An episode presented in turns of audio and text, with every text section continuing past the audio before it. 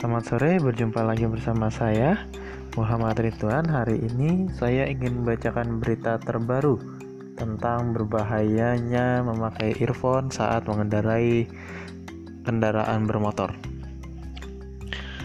Pada hari ini Jumat tanggal 12 April 2019 baru saja ada berita seorang mahasiswi tertabrak KRL saat menyeberang perlintasan Bojonggede, Depok.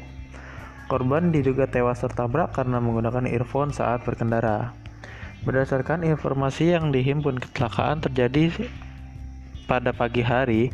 Saat itu korban sedang mengemudikan motor Vario melewati perlintasan tidak resmi di Paseban, Bojonggede.